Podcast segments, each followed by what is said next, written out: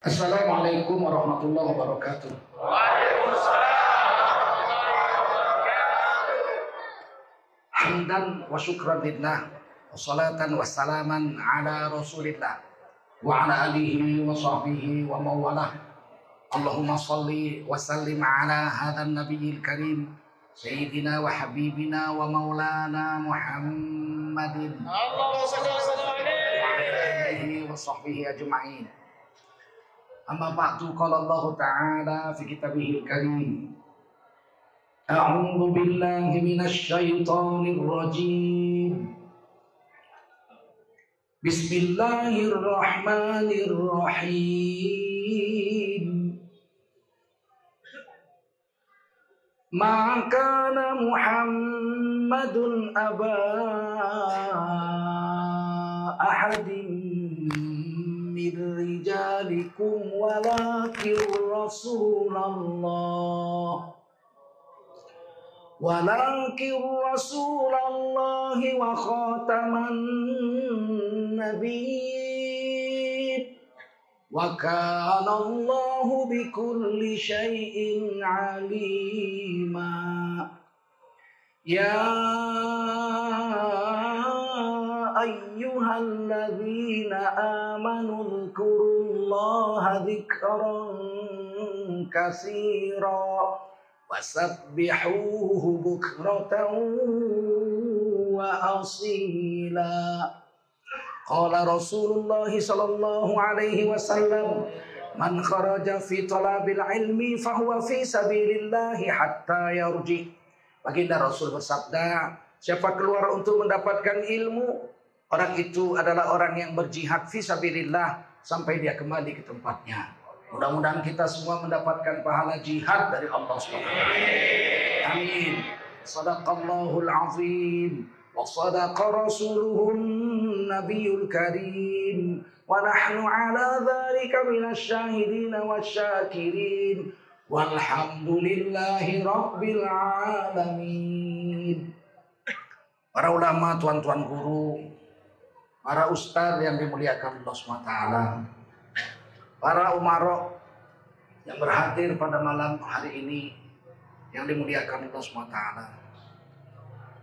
tokoh-tokoh masyarakat, tokoh agama, tokoh pemuda, tokoh wanita yang berhadir yang dimuliakan Allah SWT. Anak-anakku sekalian, generasi penerus bangsa. Wajiblah kita bersyukur pada Allah SWT Salawat dan salam kita sampaikan untuk baginda Rasulullah Sallallahu Alaihi Wasallam. Malam hari ini kita memperingati hari lahirnya baginda Rasulullah Sallallahu Alaihi Wasallam. Sudah masuk bulan Rabiul Awal, tanggal 1 tadi. Ini hari lahir Nabi bukan hari sembarangan. Allah berhak memuliakan hari yang Allah mau bikin mulia. Itu hak Allah itu. Ditulis dalam hadis dalam kitab Tafsir Ibnu Katsir. Dalam ayat At-Taubah ayat 100 ayat 36. Di situ Inna iddatash syuhuri 'indallahi 12 syahran fi kitabillah yauma khalaqas samawati wal ard. Sesungguhnya bilangan bulan itu di sisi Allah ada 12 bulan sejak langit dan bumi diciptakan. Minha arbatun hurum. Dari 12 bulan itu Allah memilih empat bulan yang terhormat. Nah, itu hak Allah itu. Kenapa nggak 12-12 yang terhormat ini? Hak Allah kita nggak bisa memprotes. Yang dipilih Allah dari empat bulan itu yang mulia itu bulan Rajab, Zulkaidah, Zulhijjah, Muharram. Itu disebut empat bulan haram. Bulan yang terhormat. Dan di situ ada hadis dituliskan Imam Ibnu Katsir. Inna Allah hastafa min makhlukihi sofayan. Allah berkuasa memilih dari makhluk-makhluknya apa yang Allah mau jadikan mulia. Itu hak Allah itu. Jadi ada sering kita dengar Sofian, Sofian. Sofian itu orang pilihan. Dari bulan yang pilih Allah empat bulan terhormat. Satu bulan agung. Yaitu bulan roh. Satu bulan agung. Nabi yang bilang, Qad ja'akum syahrun azim mubarak. Telah datang kepadamu satu bulan agung, yaitu bulan yang penuh berkat. Syahrul Ramadan, bulan roh.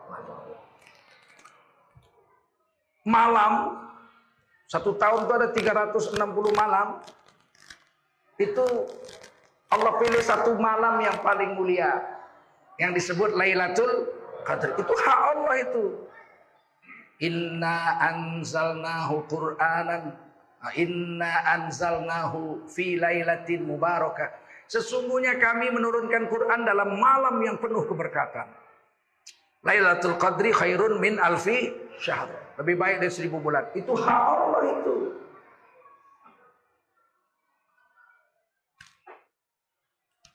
Kalau kota negeri yang paling mulia Allah pilih negeri Makkah. Wattini zaitun wa turi baladil amin. Allah bersumpah demi buah tin dan demi buah zaitun dan demi gunung Tursina. Nah, kalau gunung yang paling mulia gunung Tursina. Disebut di Quran disumpah Allah.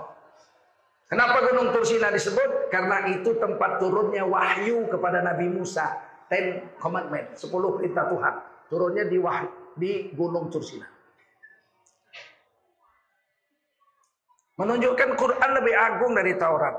Meskipun sama-sama wahyu Allah, tapi cakupannya beda. Taurat hanya untuk Bani Israel. Waja'alnahu hudan li Bani Israel. Itu dijadikan Allah kitab Taurat petunjuk bagi Bani Israel. Sedangkan Al-Quran hudan linnas dijadikan petunjuk bagi seluruh manusia. Itu beda itu. Dan disebutnya beda juga. Taurat Sepuluh perintah Allah turun di Gunung Tursina yang disebut Gunung Tursina. Tapi ketika Al-Quran turun di Gunung Nur, Jabal Nur, yang disebut bukan Jabal Nur. Yang disebut negaranya. Wahadal baladil amin. Quran menyebut. Artinya apa? Cakupan Quran lebih luas. Tapi negeri yang disebut baladil amin itu, negeri yang aman adalah kota Makkah. Itu hak Allah itu.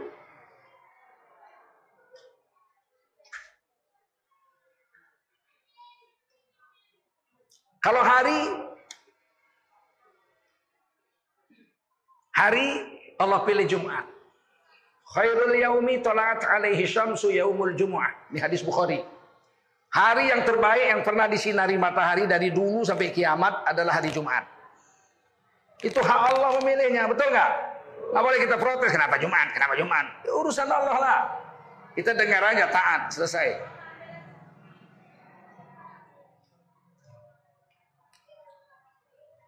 Nah bagaimana dengan hari lahir Nabi? Nabi memuliakannya. Kalau Nabi memuliakannya pasti Allah memuliakan. Itu pasti itu. Kalau Nabi suka, Allah pasti suka. Kalau Nabi tak suka, Allah pasti tak suka. Itu mesti. Begitu itu aturannya. Kalau Allah suka, Nabi pasti suka. Kalau Allah tak suka, Nabi pasti tidak suka. Itu mesti. Begitu aturannya itu. Tidak mungkin Allah suka, Nabi tak suka itu tidak mungkin. Atau Nabi suka, Allah nggak suka itu tidak mungkin. Karena Nabi Muhammad itu Habibullah, kekasih Allah. Semua yang Nabi mau pasti Allah mau. Dan itu ditulis di Quran juga. Wala saufa yu'tika rabbuka fatarta apa aja yang kau mau ya Rasul minta Allah beri ridho, Allah kasih. Tidak bisa dibantah itu. Nah, Ternyata Nabi Muhammad itu memperingati hari lahir beliau. Sekarang ini diisukan oleh sekelompok orang Islam juga bahwa Nabi itu tidak pernah memperingati hari lahirnya. Ini kan pembohongan publik ini. Bohong dia itu. Nabi gak pernah memperingati maulid Nabi. Nabi gak pernah memperingati hari lahirnya. Bohong kau. Gak boleh bohong. Kenapa? Karena nggak semua orang Islam sedunia ini goblok semua. Ulama-ulama tahu. Kenapa seluruh dunia orang memperingati hari maulid Nabi?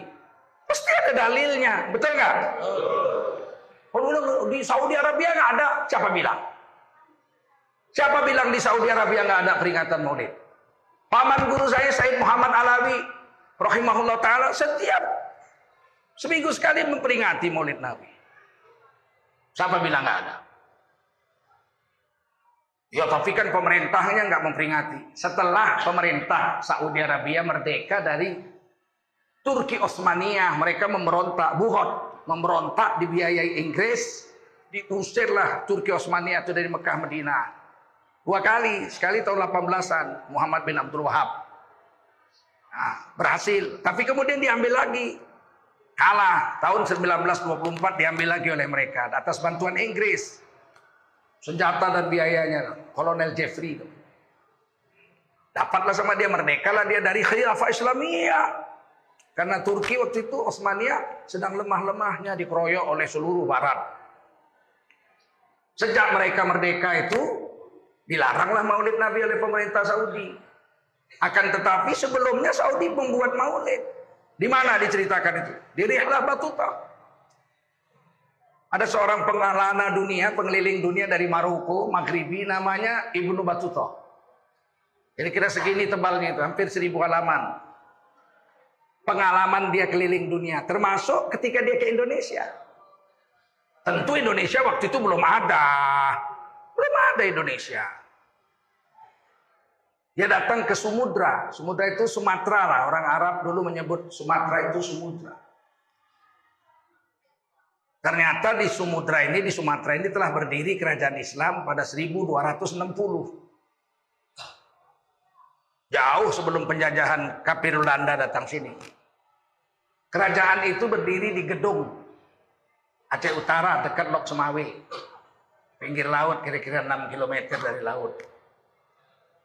Nama rajanya orang Melayu ya, namanya nama Nusantara, namanya Merah Silu. Begitu Merah Siru jadi raja Islam nih, kerajaan Islam yang pertama di Sumat apa di, di, di negeri Asia Tenggara inilah. Thailand, Malaysia, Indonesia semua pokoknya pertama kali kerajaan Sumudra. Beliau menulis surat ke Mekah diterima oleh penguasa Mekah itu Syarif Mekah. Turki Osmania belum lahir. Turki Osmania kan abad ke-15. Ini tahun 1260 masih dinasti Abbasiyah. Menulislah Raja Syarif Mekah melantik Merah Silu menjadi Sultan Islam di negeri Jawi ini, di negeri Samudra ini, menjadi khalifah di sini. Nama Syarif Mekah itu Malikus Soleh, Raja yang soleh. Maka digantinya lah nama Merah Silu itu menjadi Malikus Soleh, sama dengan namanya. Malikus Soleh wafat digantikan raja kedua anaknya Malikus Zohir. Malikus Zahir wafat diganti anaknya yang ketiga namanya Malikus Malikus Zahir yang kedua. Pada saat itulah Ibnu Battuta datang ke Sumatera. Dijamulah oleh Malikus Zahir Raja Samudra Samudra. Salat Jumat jalan kaki ke masjid. Raja salat Jumat jalan kaki. Dan sholat Jumat dipakai madhab Imam Syafi'i rahimahullah. Disebut itu ala madhab al-Imam Ash-Syafi'i radhiyallahu anhu. Jadi Indonesia ini udah ribuan tahun mazhab Syafi'i. Pulang naik gajah. Nah itu disebut itu. Pergi jalan kaki, pulang naik gajah. Dalam rihlah batu. Saya punya itu kitabnya. 35 tahun yang lalu sudah saya beli kitab. Saya baca, Masya Allah. Disebut di situ Sumatera. Nah nggak lama berdiri kerajaan baru Islam juga di Pasai Aceh Timur bersaingan nggak bagus oleh Syarif Mekah yang udahlah kalian bersatu aja bagaimana caranya? Kawinkan anak-anak kalian. Gitu. Akhirnya anak Raja Pasai kawin dengan anak Raja Samudra. Kerajaannya menjadi kerajaan Samudra Pasai. Begitu cara orang dulu. Di zaman Malikus Zohir II anaknya pangeran namanya Zainul Abidin. Saat itulah datang Laksamana Cheng Ho dari Cina. Memberikan hadiah sebuah lonceng besar namanya Cakradonya. Sampai sekarang masih ada. Di Museum Banda Aceh. Cakradonya itu lonceng besar hadiah dari Jenderal Cheng Ho agama Islam. Cheng Ho Islam. Ah, dibawalah Zainul Abidin ini ke Cina untuk dididik. Diajari nulis, baca, main panah, naik kuda, main pedang, diajari lah gitu. Disekolahkan. Tapi sayang Zainul Abidin ini harusnya jadi raja keempat. Wafat di Cina. Dan dalam sejarah Cina disebut. Anak Malikus Sohir tua itu dalam sejarah Cina disebut. Dibawa oleh Cheng Ho namanya Chainuli Api Tingki. Orang Cina nggak bisa bilang Zainul Abidin. Zainul Abidin dari Chainuli Api Tingki. Nah.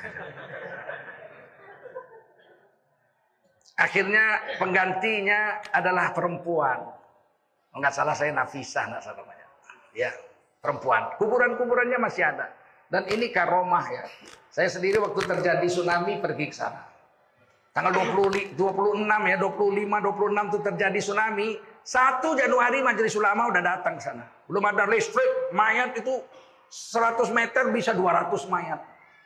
Majelis Ulama duluan datang dengan TNI. Uang yang ada waktu itu satu miliar dibawa semua duitnya. Untuk membantu saudara kita di Aceh.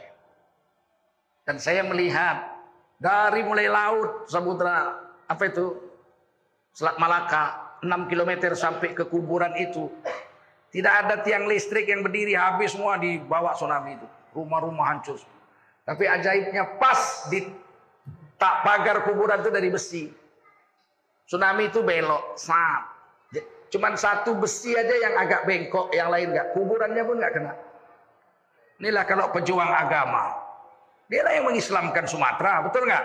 Dulu kan rajanya Islam, rakyat Islam semua. Jadi orang yang berjasa dengan Islam, jangankan mayatnya, kuburannya pun nggak diganggu, tahu?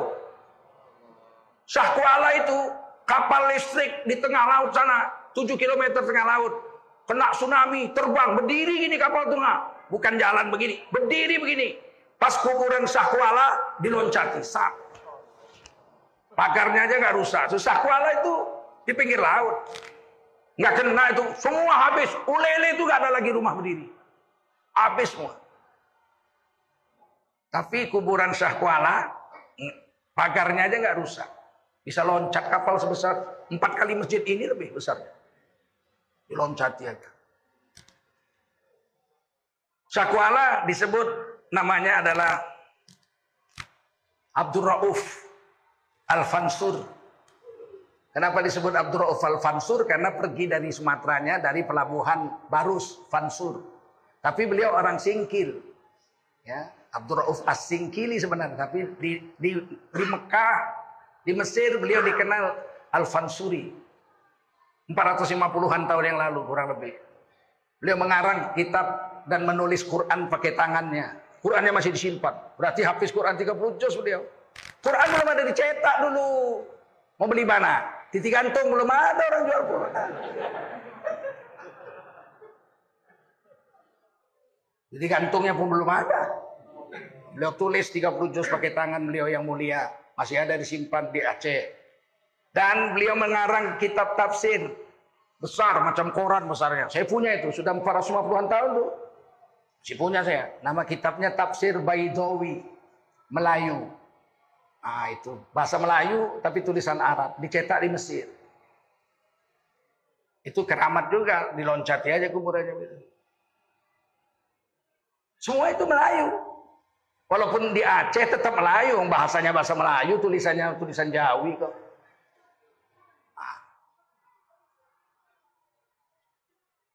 Begitu hebatnya dalam rihlah batu Apa yang perlu saya sorot di malam ini? Di dalam kisah perjalanan Ibnu Batuta itu dituliskan ketika saya sampai ke Madinah. Ketika itu sedang mulid, bulan bulan Maulid seperti ini nih, Rabiul Awal. Maka Madinah itu di malam hari seperti siang saking terangnya. Semua orang memasang lampu sebanyak-banyaknya untuk mengagungkan bulan lahirnya Rasulullah sallallahu alaihi wasallam. Begitu keadaan Mekah Madinah sebelum Wahabi berkuasa di sana. Silahkan lihat kitabnya. Bukan ngarang-ngarang ini kisah. Nah, setelah kerajaan Saudi berdiri, paham Wahabi ditegakkan, tidak ada maulid Nabi yang dibuat oleh pemerintah. Kalau yang dibuat oleh swasta banyak. Alhamdulillah tiga atau empat tahun yang lalu Raja Salman naik Raja Salman baca maulid. Tidak ada satu pun ulama Saudi yang berani mengatakan Raja Salman bid'ah dolalah masuk neraka. Oh nggak dipancung lehernya terus. Saya dengar sendiri rekamannya. Beliau baca riwayat Nabi itu dari Al-Bansardi. Walamma tamma min hamdi. Dia baca.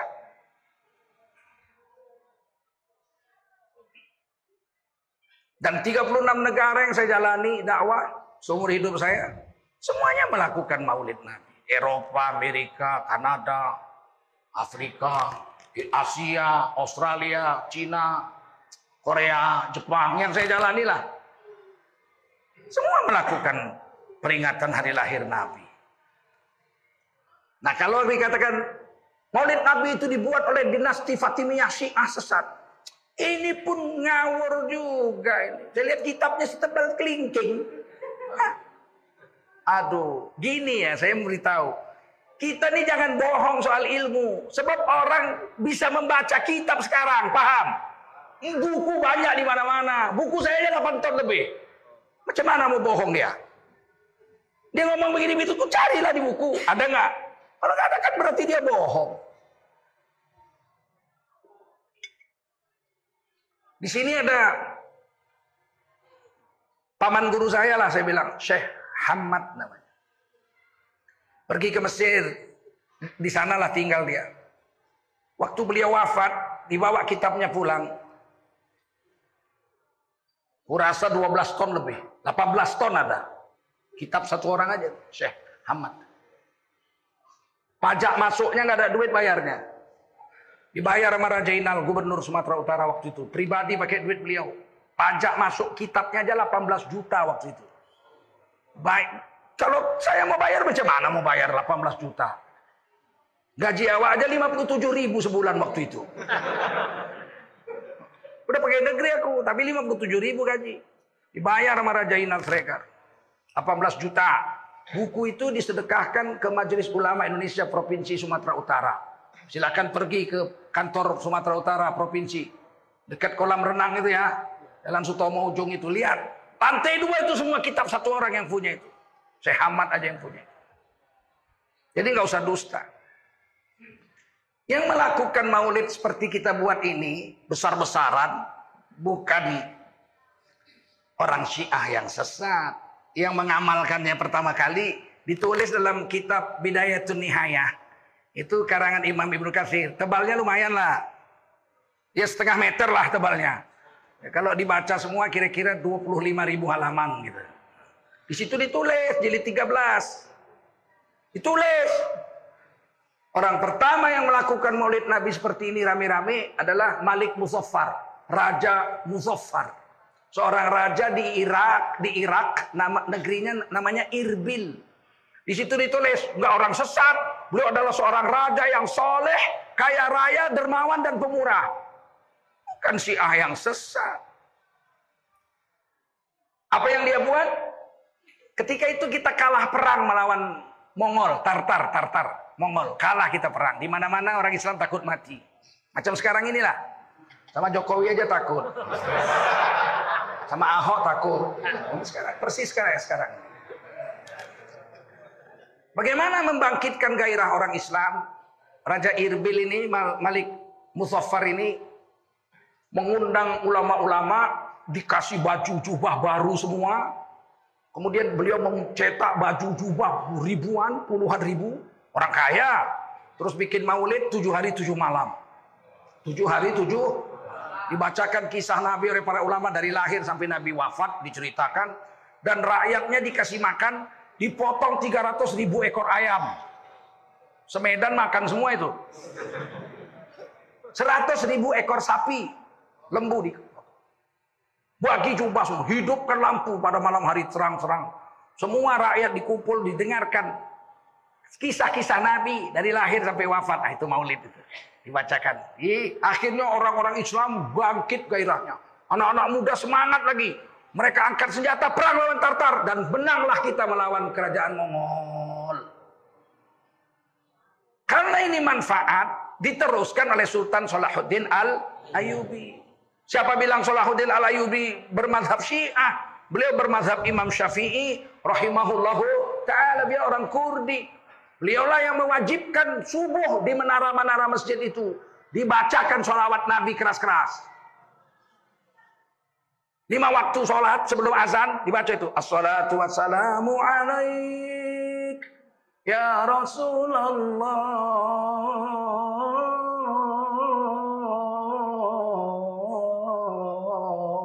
Itu yang memulainya itu Sultan Salahuddin Al-Ayubi. Diteruskan sampai ke tanah Delhi, kerajaan Serda, kerajaan Delhi. Muftinya kakek saya, mufti kerajaan Delhi itu Syekh Hasan Maksum namanya. Guru-guru murid-murid beliau tuh Syekh Harsat Talib Lubis, kakek saya ya, Andak Sulaiman Soyib. Itu murid-muridnya Syekh Hasan Maksum, Mufti Delhi. Dibacakan terakhir. Ya Arhamar Rahimin Irhamna Ya Arhamar Rahimin irhamna birahmatikal wasi'ah. Itu dibacakan. Supaya semangat orang Islam itu timbul. Bukan orang Syiah yang mula-mula bikin maulid ini besar-besaran. Nggak usah fitnah lah. Nggak lebih pandai kita dari Imam Ibnu Katsir. Betul? Ya Allah ya Basir Ya Sami'u ya Alim Ya Hayyu ya Qayyum Birahmatika astaghith